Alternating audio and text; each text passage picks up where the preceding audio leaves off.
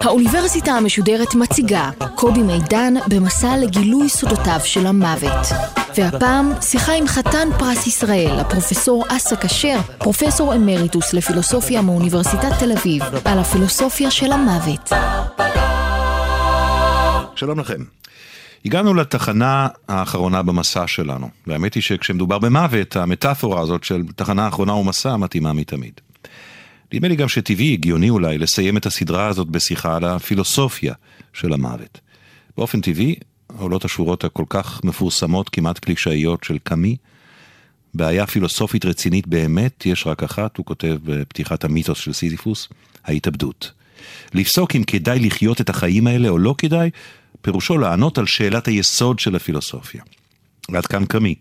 אבל גם אם לא נקבל את הפסקנות האקזיסטנציאליסטית שלו, נוכל להסכים על המרכזיות של השאלה. לא של ההתאבדות, אלא של קביעת עמדה מנומקת ככל הניתן, יעילה, או אם תרצו, מול עובדת המוות הבלתי נמנע. לפני הרבה שנים ישבתי בהרצאה באולם 144 בבניין גילמן באוניברסיטת תל אביב. אנשים שם ישבו על החלונות, ממש, פשוטו כמשמעו, על החלונות, נלחמו על כל מקום פנוי. נושא ההרצאה היה משמעות החיים מנקודת המבט של המוות. התחושה הייתה, וזה אולי מה שמשך כל כך הרבה אנשים צעירים וסקרנים לשם, שנעשה כאן ניסיון אמיתי להציג את הפילוסופיה אה, ככלי כמעט מעשי להתמודדות עם שאלות החיים הגדולות והבוערות. המרצה אז הוא גם האורח שלנו במפגש האחרון הזה, הפרופסור אסא כשר. חתם פרס ישראל, פרופסור אמריטוס באוניברסיטת תל אביב, מופקד על הקתדרה לאתיקה מקצועית ולפילוסופיה של הפרקטיקה, וגם לצד עיסוק רב שנים בפילוסופיה של השפה, עוסק גם בסוגיות של אתיקה ומוסר, כידוע הוא בין השאר ממנסחי הקוד האתי של צה"ל. כאן באוניברסיטה המשודרת הקלאסית הוא העביר לא פחות משלושה קורסים שונים.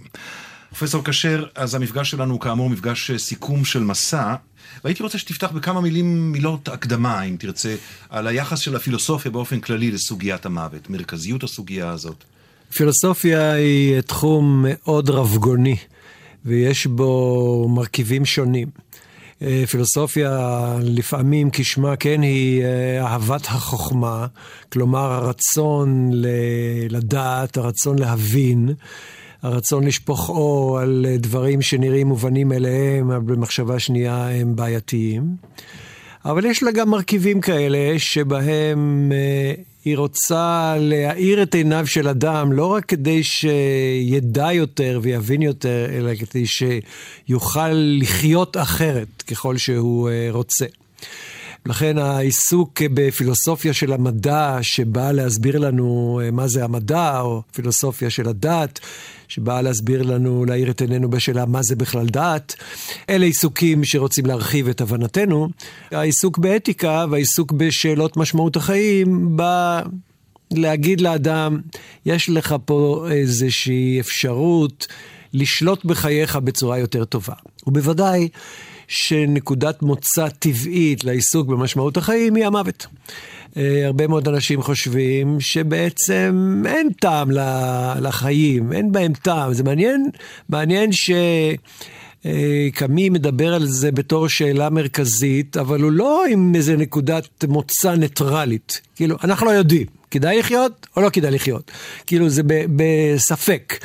ובואו נראה מה, אם אנחנו יכולים להטות את כפות המאזניים בכיוון אחד. לא, הוא מתחיל בצד הזה שאומר, שאלת ההתאבדות, כאילו, למה לא להתאבד?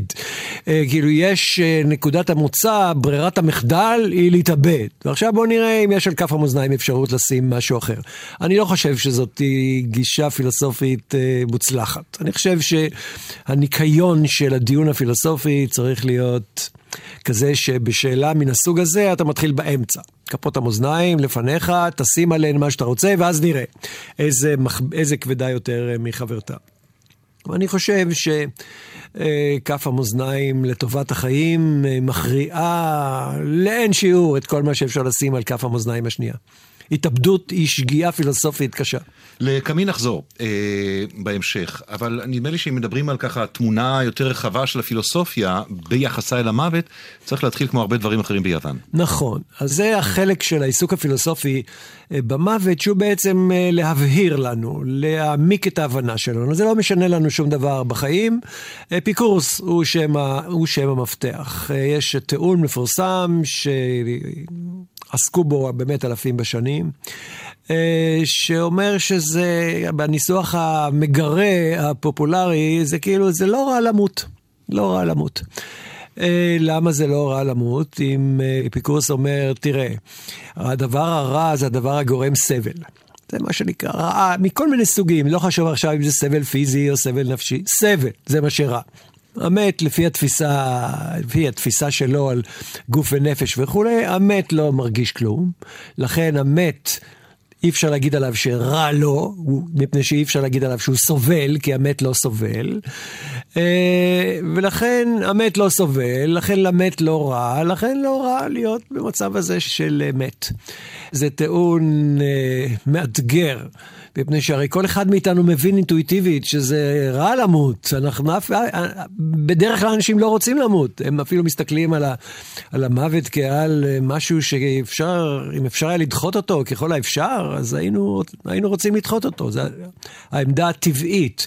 אבל בעצם אפיקורס מדבר על משהו אחר. הוא מנסה לדחות את הדעות הרווחות העממיות. שבהיות האדם מת, אז הוא יסבול. ועל זה הוא אומר לו, כשאדם מת אז אין שם שום דבר. הגוף מתפורר, הנשמה נמוגה באיזושהי צורה, שזה התפיסות שלו, ולכן הוא לא סובל ולכן לא רע לו.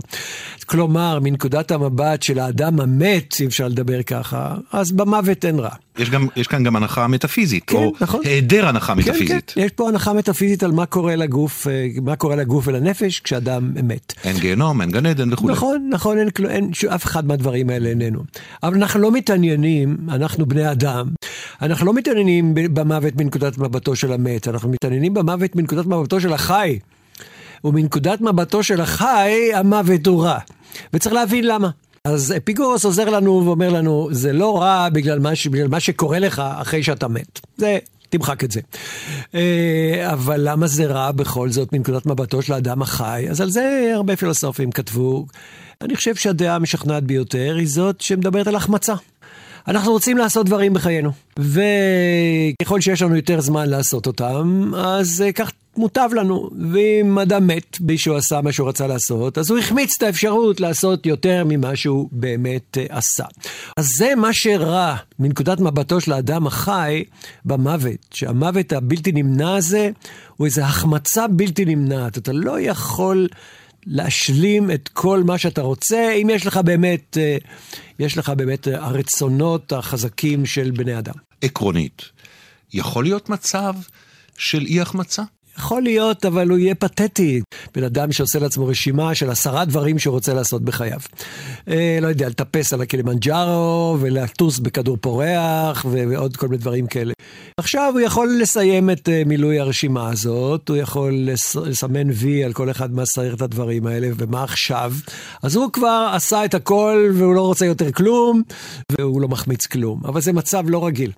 כי אחרי עשרת הדברים האלה, יש שיר יפה מאוד של נתן זך, על מטפסי הערים הגבוהים. שמגיעים לפסגות הלבנות, המושלגות, הנה ליבם ריק מהרים, ריק מטיפוס. כלומר, אחרי שהוא יסיים את עשרת הפרויקטים האלה, ישים וי על כל אחד מהם ברשימה, מה הוא ירגיש? הוא עכשיו ירגיש איזה ריקנות כזאת, ואדם אה, לא סובל את הריקנויות האלה, הוא יחפש לעצמו משהו אחר לעשות, יעשה לעצמו עוד רשימה. כלומר, הטענה הזאת שהיא טענה חזקה, שההחמצה עומדת ביסוד האינטואיציה שלנו שמנסה להימנע ממוות. עכשיו, האם ההחמצה הזאת היא מצב עניינים של סך מה שהגשמת מתוך מה שרצית, או שהיא עניין עקרוני של מצב נפשי נתון? מכיוון שאין מנוס ממוות, אין מנוס מהחמצה, מפני שככל שאנחנו מניחים שהחיים הטבעיים הם חיים שבהם עוד יש לך מה לעשות ואתה, ואתה עוד לא עשית את זה. לכן החמצת במותך את האפשרות אה, לעשות את זה. אני חושב שלחיים גורי יש שיר שאומר שבעצם ההחמצה היא, היא מהות חיינו. אגב, מעניינת ההיעזרות של הפילוסוף באינטואיציה של המשורר, היא תמיד מעניינת. אבל מכיוון שאתה אומר שההחמצה היא מוכרחת, אפשר בכלל אה, לנסות להוכיח או לאשש טענה כזאת שההחמצה היא העניין של העיסוק הבלתי פוסק שלנו במוות? אני חושב שאפשר לדון בעזרת הכלים הפילוסופיים בשאלה הזאת, ואני חושב שהדיון שלנו בהחמצה הוא לאו דווקא דיון במוות. שיר של רטוש שנקרא על פרשת דרכים. ובעצם מה שהוא אומר זה כל רגע בחייך על, על פרשת דרכים. אתה יכול ימינה, שמאלה, למעלה, למטה. בכל מצב שבו אתה מקבל החלטה מרצונך, אז ההחלטה הזאת היא החלטה על פרשת דרכים. מפני שיש הרבה אפשרויות, אם לא היו הרבה אפשרויות, לא היית צריך להחליט. היית פשוט הולך, זורם עם, ה, עם השביל היחיד שפתוח לפניך. לכן... לכן אם אתה על פרשת דרכים, אז אתה מחמיץ את כל הדרכים שלא עלית עליהן. אה, אז את זה אפשר להראות, שה... הכלים הפילוסופיים, הניתוח של רצון, הניתוח של בחירה, הניתוח של הרעיון של אפשרויות שונות שהוא אה, חלק אה, מהותי של, של הרצון החופשי, כל זה מוביל אותך למסקנה שכן, אתה יכול להוכיח בכלים הפילוסופיים שהחמצה היא מהמרכיבים המהותיים של חיי האדם. אז אתה בחרת לפתוח בשאלה בעצם אה, של למה המוות רע אינטואיטיבית ו- ופילוסופית. אבל יש עוד... אה, כורים כאלה שהרוגים בתוך, ה, בתוך הריג הזה של החשיבה האנושית והפילוסופית לאורך הדורות שקשורים למוות, כמו למשל. אה, דיברת על אפיקורוס שאומר המוות איננו רע כי כך וכך. יש גם טענות שאומרות שהמוות הינו טוב. לא מסיבות מטאפיזיות, אלא מסיבות, מסיבה זו שהוא מעניק, שהסוף מעניק משמעות ליש שלפניו. אני חושב שבדרך כלל המחשבה הטבעית של האנשים, וגם אפשר לתת לה הגנה פילוסופית, היא שהמוות בתור אה, בלתי נמנע בחיי האדם זה עננה. שככה פורסם מעל, מעל האדם. ויש לנו בחיים הסטנדרטיים כל מיני עננות כאלה שרובצות מעל הראשים שלנו. העולם מלא סבל, סבל, כישלון, אי שביעות רצון, אכזבות, העולם מלא בתופעות האלה, עד כדי כך ששופנהאואר אמר פעם שאילו היה חושב שזה, שהאל ברא את העולם לשם איזושהי מטרה, אז הוא היה אומר שהמטרה היא כדי שבני אדם יסבלו. עד כדי כך זה נראה, החיים האנושיים רוויים בסבל. אז גם זאת עננה, סובלים. יש הרבה סבל, ויש לנו העננה הזאת של הקטנות. אתה בסך הכל, אתה מדי פעם, אני חושב שטוב שכל אדם יגיד לעצמו, מה, על מה אני מתרגש עכשיו? מה, מה, כולם, ארוחות שערות, הביטויים מתלהמים, מה, מה, מה עומד פה על הפרק? החיים האנושיים הם כך וכך, אני לא יודע, אלפים, עשרות אלפים, מיליונים שנים. אה, אנחנו נמצאים על הכדור הזה, יש כמוהו עוד, אני לא יודע, מיליארדים, ואנחנו מתווכחים על איזה רסיס מיקרוסקופי שבקושי רואים אותו, האם הוא צריך להיות פה במילימטר הבא. הקטנות היא גם סוג של עננה, כאילו בסך הכל, כל דבר שנראה לנו מקרוב חשוב, תלך שני צעדים אה, אחורנית ותראה עד כמה הוא קטן וזעיר ו... ו- אין לו שום משמעות מבחינת הנצח. אז יש כל מיני עננות כאלה על חיינו. אבל אני חושב שלא צריך אה, לבלבל את העננות אה, עם מכשולים בלתי עבירים. אני חושב שאפשר להגיד שיש טעם בחיים, יכולה להיות משמעות לחיים, למרות הסבל, למרות המוות, למרות הקטנות, למרות uh, כל העננות האלה ואחרות שרובצות על החיים שלנו. אז אני, אני רוצה לשאול אותך, אם יש מקום לעובדת המוות בתהליך הזה של הפילוסופיה או יצירת המשמעות, כי יש שתי טענות הפוכות או, או, או סותרות. אחת, מה שציינתי קודם, כלומר, שדווקא הסוף, תאר לך שלא היה לנו סוף, שלא היה סוף לשיחה הזאת, לסדרה הזאת, אז היינו נמצאים באיזה לימבו של דנטה כזה. אה, מצד שני, קיימת טענה שנניח קמי היה יותר קרוב אליה, של מכיוון שיש סוף, אז כל מה שלפניו גם איננו ראוי. יש uh, כתיבה פילוסופית, קצת כתיבה פילוסופית על השאלה איך היו חיינו נראים אם הם היו נצחיים. כתבו על זה ברוח כזאת של אי רצון. כאילו, נצחי זה כבר מוגזם. חמשת אלפים שנה, בסדר, אולי חמישים אלף, אבל הנצח, אה, לנצח זה מוגזם. אני לא חושב שזה מוגזם, דרך אגב. אם היו מבטיחים לי שאני אשאר במצב הנוכחי שלי, מבחינת אה, רגשית, קוגניטיבית, אינטראקציה עם אנשים, הייתי מסכים להעריך את זה כמה שאפשר. כמה שאפשר. כמה שאפשר. פנחס שדה, כשהוא היה כבר חולה, אמר, הרי התעסק כל חייו במטאפיזיקה ובדת, אבל כשהוא היה חולה הוא אמר, הייתי מוכן לטאטא את העיר באצבעותיי בשביל לקבל עשרת אלפים שנות חיים. כן, אני מבין אותו, אני מסכים, אני מסכים לזה, אני נכנס לספרייה או לחנות ספרים. תראה כמה ספרים יש פה שמסקרנים אותי, שהייתי רוצה לקרוא אותם, אבל אין שום סיכוי שאני אקרא את כולם, אני צריך, אני אחמיץ את רובם, אז אני הייתי קונה בקלות אה, הרבה יותר זמן. אבל אני חושב שאני מסתכל על, אה, על הפרויקט הזה של אה, מתן משמעות לחיים, היחס שלו למוות זה כמו היחס של הסופר שכותב ספר אל הכריכה האחורית של הספר שלו. בסוף אתה, אתה לא מפרסם ספר, אין ספר כזה שמתמשך בלי סוף. שהסופר יושב וכותב בצד אחד, הקוראים קוראים בצד השני, וזה לעולם לא ייגמר. רעיון לא רע אגב, אבל זה, בסדר. זה, זה, כן. נכון, אבל מישהו היה יכול לעשות את זה, אבל זה גם לא היה נמשך לנצח. זה היה באיזשהו רגע זה היה נפסק, בלי היה קשר מת. למוות. בלי קשר למוות, זה היה נגמר. אוקיי. זה היה מסתיים. אז זה שיש כריכה אחורית לספר, זה לא אומר שאין ערך לתוכן שלו. יש ערך לתוכן שלו, אם יש ערך לתוכן שלו. אם הוא ספר טוב, יש ערך לתוכן שלו. והחיים של אדם הם כמו הספר שהוא כותב.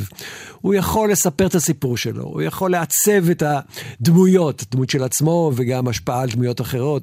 הוא יכול לתת משמעות לחייו, ולממש את זה בספר שהוא כל בוקר מתחיל לכתוב עוד דף אחד בו. וזה שיש כריכה אחורית, אז יש כריכה אחורית. דרך אגב, מעניין אפרופו כריכה, לשים לב לזה שזה לא כל כך מעסיק אותנו, גם זאת חידה פילוסופית, זה לא מעסיק אותנו שיש כריכה התחלתית.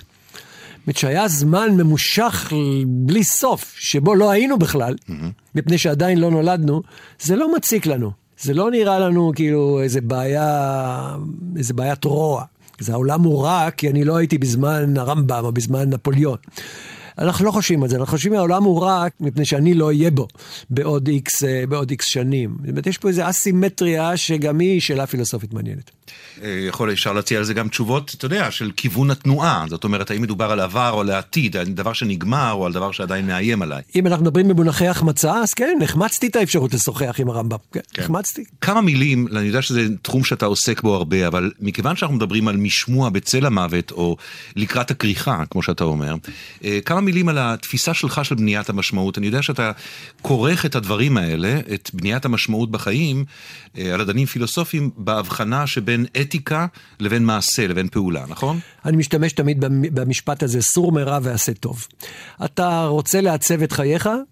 תבחר לעצמך איזה מושג של טוב, עכשיו זה לא עניין של טוב מוסרי, זה הטוב שלך, בערכים שלך, מה שמעניין אותך לעשות, מה שטוב בעיניך להקדיש לו את חייך, זה אוטומטית גם יוצר מושג אה, הקוטבי של רע, ו... אבל עשה את זה, עשה טוב, כלומר תשליט את זה על חייך, ת, תחיה בצורה כזאת שאתה מממש את הטוב בעיניך. לכן אני חושב שבני אדם, כל אחד יכול לבחור לעצמו את מה שטוב בעיניו, כל אחד יכול לפעול בצורה שמממשת את זה. לכל בן אדם יש היכולת לעצב את חייו, כלומר לתת לחייו משמעות. אני לא מאלה שחושבים שיש איזו משמעות נתונה ואנחנו צריכים לחפש אותה ולמצוא אותה. אתה יוצר את המשמעות הזאת. זה לא משהו שישנו בתוך האבן, ואתה רק כאילו מסטט את האבן כדי למצוא מה היה גלום בה בין כה וכה. זה לא גלום בה בין כה וכה. זה אתה מסטט כדי לעשות משהו שמוצא חן בעיניך. ככה אתה רוצה שהחיים שלך יעברו. זה מה שאתה רוצה שיהיה כתוב בספר שלך. זה המנוף לתשובה לשאלה למה לא להתאבד, ולעוד, ולעוד שאלות כאלה. אתה יכול להפוך את חייך לבעלי משמעות. הם בעלי ערך על פי, על פי הערכים שלך, ואי אפשר להגיד שהם כולם טפלים, מכיוון שבסוף מתים. הכריכה האחורית לא מאפסת את ערך הספר. אני רוצה לקראת סיום אה, לגעת בסוגיה אה, נוספת שקשורה לזה, שגם היא ליוותה אותנו לאורך השיחות האלה והמפגשים האלה, וזה עניין של החיים הזוכרים את המתים. גם בזה אתה מרבה לעסוק, גם בתוקף הביוגרפיה שלך. ספר לי אה, את עיקרי התפיסה שלך בנושא הזה. אני, אני רוצה להציב בצד המושג של קיום, שהוא מושג פילוסופי, שענף שלם בפילוסופיה, אונתולוגיה שמתעסק בו, במה יש, כאילו, מה הם הישים. אבל במובן הכי חמור של, אה, של המילה, אה, בצד הביטוי הזה של קיום, אני רוצה להוסיף את הביטוי של נוכחות. יש דברים שהם קיימים, נגיד התיק שלי שמונח פה קיים, השעון אה, קיים, אה, אבל יש עוד משהו שממלא תפקיד בחיים שלנו, לא פחות מהדברים הקיימים, אם חושבים על זה, וזה הנוכחות של דברים אחרים. וביחס למתים שיקרים לליבם של החיים, אפשר לומר שלמתים האלה יש נוכחות בחיי שאריהם, בחיי אלה שהם חיים. מה זה נוכחות? זה משהו שונה מהקיום. הקיום הוא עצמאי. כשיש משהו שהוא קיים, אז הוא, אז הוא עצמאי והוא שולט בקיומו. נוכחות היא משהו שאני יוצר אותו. אני יוצר את הנוכחות, היא לא קיימת uh, מעצמה. אנחנו יוצרים בתי קברות, אנחנו יוצרים אנדרטאות, אנחנו יוצרים ספרי זיכרון, אנחנו יוצרים את הנוכחות של המתים בחיינו. יש נוכחות שהיא נוצרת בידי בני אדם ושהיא משפיעה, משפיעה כמו הקיום. אני חושב שבכל התרבויות האנושיות יש... Uh, ממש נורמות של יצירת הנוכחות הזאת. אין, אין תרבות שמשכיחה את המתים כאילו הם לא היו.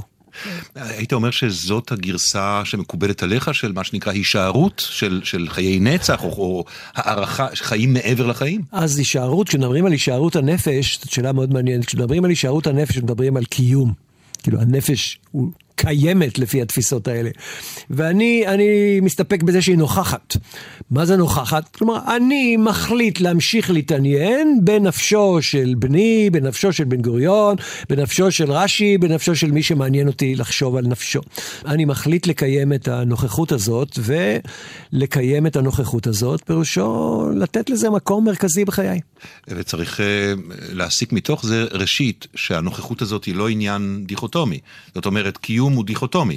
נוכחות יכולה להיות נוכחות גדולה, נוכחות קטנה. אין ספק, אין ספק. הרחוב הזה שאנחנו נמצאים בו נקרא רחוב יהודה הימית, אוקיי? וכאן הוא מלא בכל מיני שמות של מגן אברהם, יש פה. מגן אברהם יכול להיות שם של רחוב אצל הרבה מאוד אנשים. זה שם של בן אדם שכתב ספר שנקרא מגן אברהם, ואולי כל מה שאני יודע עליו זה שהוא בן אדם שכתב ספר. אבל אני יכול להתעניין בו, אני יכול לעבות את הדמות שלו בחיי יותר ויותר. אני יכול לתת לו נוכחות ממש... ממש מלאה בחיי, אה, קרובה מאוד למעמד שיש בחיי לאנשים שחיים בפני עצמם. כלומר, שגם שהנוכחות היא עניין שהוא יכול להיות יותר נתון גם להחלטתך כמנכיח. כן, אבל, אבל, אין ספק. אבל עוד דבר שיוצא מזה הוא, שא', רוב בני האדם, נועדו שלא להיות נוכחים אחרי מותם, בוודאי לא אחרי דור שני או שלישי, זה ברור. אלא אם כן עשית מעשה שיש בו מן הגדולה האינטלקטואלית, מן הגדולה של הקרבת חייך וכולי, או המנהיגית וכולי, דינך להישכח. אני חושב שזאת היא תקלה בתרבות שלנו. אה, אתה צודק, מי, על מה, מה אנחנו יודעים על בני לפני 200 שנה בכל הגזרות האנושיות, המנהיגים או הסופרים, המשוררים, אנחנו יודעים אה, על בודדים מהם. אבל זה רק כי החלטנו. החלטנו לתת נוכחות לבודדים. אני חושב, למשל בתחומי התרבות, אם אני מסתכל על מי אנחנו זוכרים מהדורות הקודמים, בסדר, יש לנו ביאליק, צ'רניחובסקי, אלתרמן, עוד כמה. אבל היו שם עוד עשרות רבות. במי אנחנו מתעניינים מבני דורנו? במאות. אבל אני חושב שחלק לא מבוטל של העשרות שכאילו נשכחו, לא נופל בערכו מהמאות שאנחנו, שנמצאים מולנו. כן. ואני חושב שזו תקלה שצריך לתקן אותה. אין שום סיבה לא לקרוא את הספרים שיצאו לפני מאה שנים, ושיש להם איכות ספרותית, שאיננה נופלת מהאיכות הספרותית, נגיד, לפחות של הספרים הבינוניים שיוצאים בימינו. ייתכן, אבל השאלה מה עם כל אלה שלא כתבו? אז שם אתה, גם שם אתה יכול לתת להם נוכחות אם אתה רוצה. אני, אני ממש אוהב לחפש את הפרטים על הסבים והסבתות שלי אחורה, אחורנית, כמה שאפשר ללכת. אין לי, אני לא יודע עליהם הרבה, אבל אם הם רבנים והם כתבו ספרים, אז אני יודע על הספרים שלהם. אם, הם, אה, אם זה רק אשתו, אז אני יודע שהיא הייתה אשתו, ואני יודע מי היה אבא שלה ואימא שלה, ומי הילדים שלה, למרבה הצער, אני לא יודע עליה הרבה. אבל אני נותן לה נוכחות. אני נותן לה נוכחות בחיי. פרופסור אסא כשר, אני מאוד מודה לך. תודה לך. תודה. ועד כאן סדרת המפגשים הללו, שבה אנחנו הצצנו לתוך המנגנונים הביולוגיים של התא, שאחראים על הזדקנות ומוות. שאלנו על האפשרות העתידית לנטרל אותם, כלומר להתגבר על המוות. שמענו את השאלות האבולוציוניות הכרוכות במוות, מה תפקידו של המוות באבולוציה, מדוע הזקנה מעדיפה מחלות מסוג מסוים. בדקנו האם קיימת תודעת מוות בקרב בעלי החיים, האם קיים אבל בעולם החי. סקרנו את התהליכים העוברים על הגוף המת, ולא, הציפורניים לא ממשיכות לגדול אחרי המוות. דיברנו על האנתרופולוגיה של המוות מדרכי קבורה ועד מנהגי אבלות. סוגיות שונות שקשורות ליחס של הדתות הגדולות, המונותאיסטיות למוות, באופן טבעי התמקדנו יותר ביהדות, ובמהפך שחל ביחסה למוות לאורך הדורות. בדקנו מה יש לפרויד ולממשיכיו לומר על המוות ועל כך שחרדת המוות בעצם מייצגת פחדים אחרים. סקרנו בקצרה עניינים הקשורים בקשר שבין האומנות למוות, האומנות הדתית, האומנות החילונית, וסיימנו כאמור בכמה מחשבות על הפילוסופיה של המוות.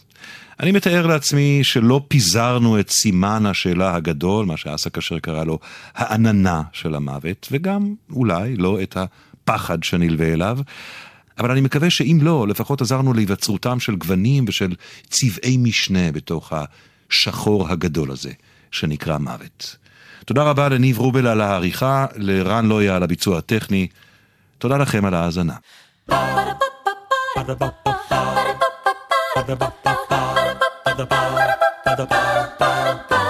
האוניברסיטה המשודרת. קובי מידן שוחח עם חתן פרס ישראל, הפילוסוף הפרופסור אסא כשר, פרופסור אמריטוס מאוניברסיטת תל אביב, על הפילוסופיה של המוות. מערכת האוניברסיטה המשודרת, מאיה להט קרמן, ליאור פרידמן, אורן הוברמן וגיא עופר. האוניברסיטה המשודרת, בכל זמן שתרצו, באתר וביישומון אפליקציה של גל"צ, וגם בדף הפייסבוק של האוניברסיטה המשודרת.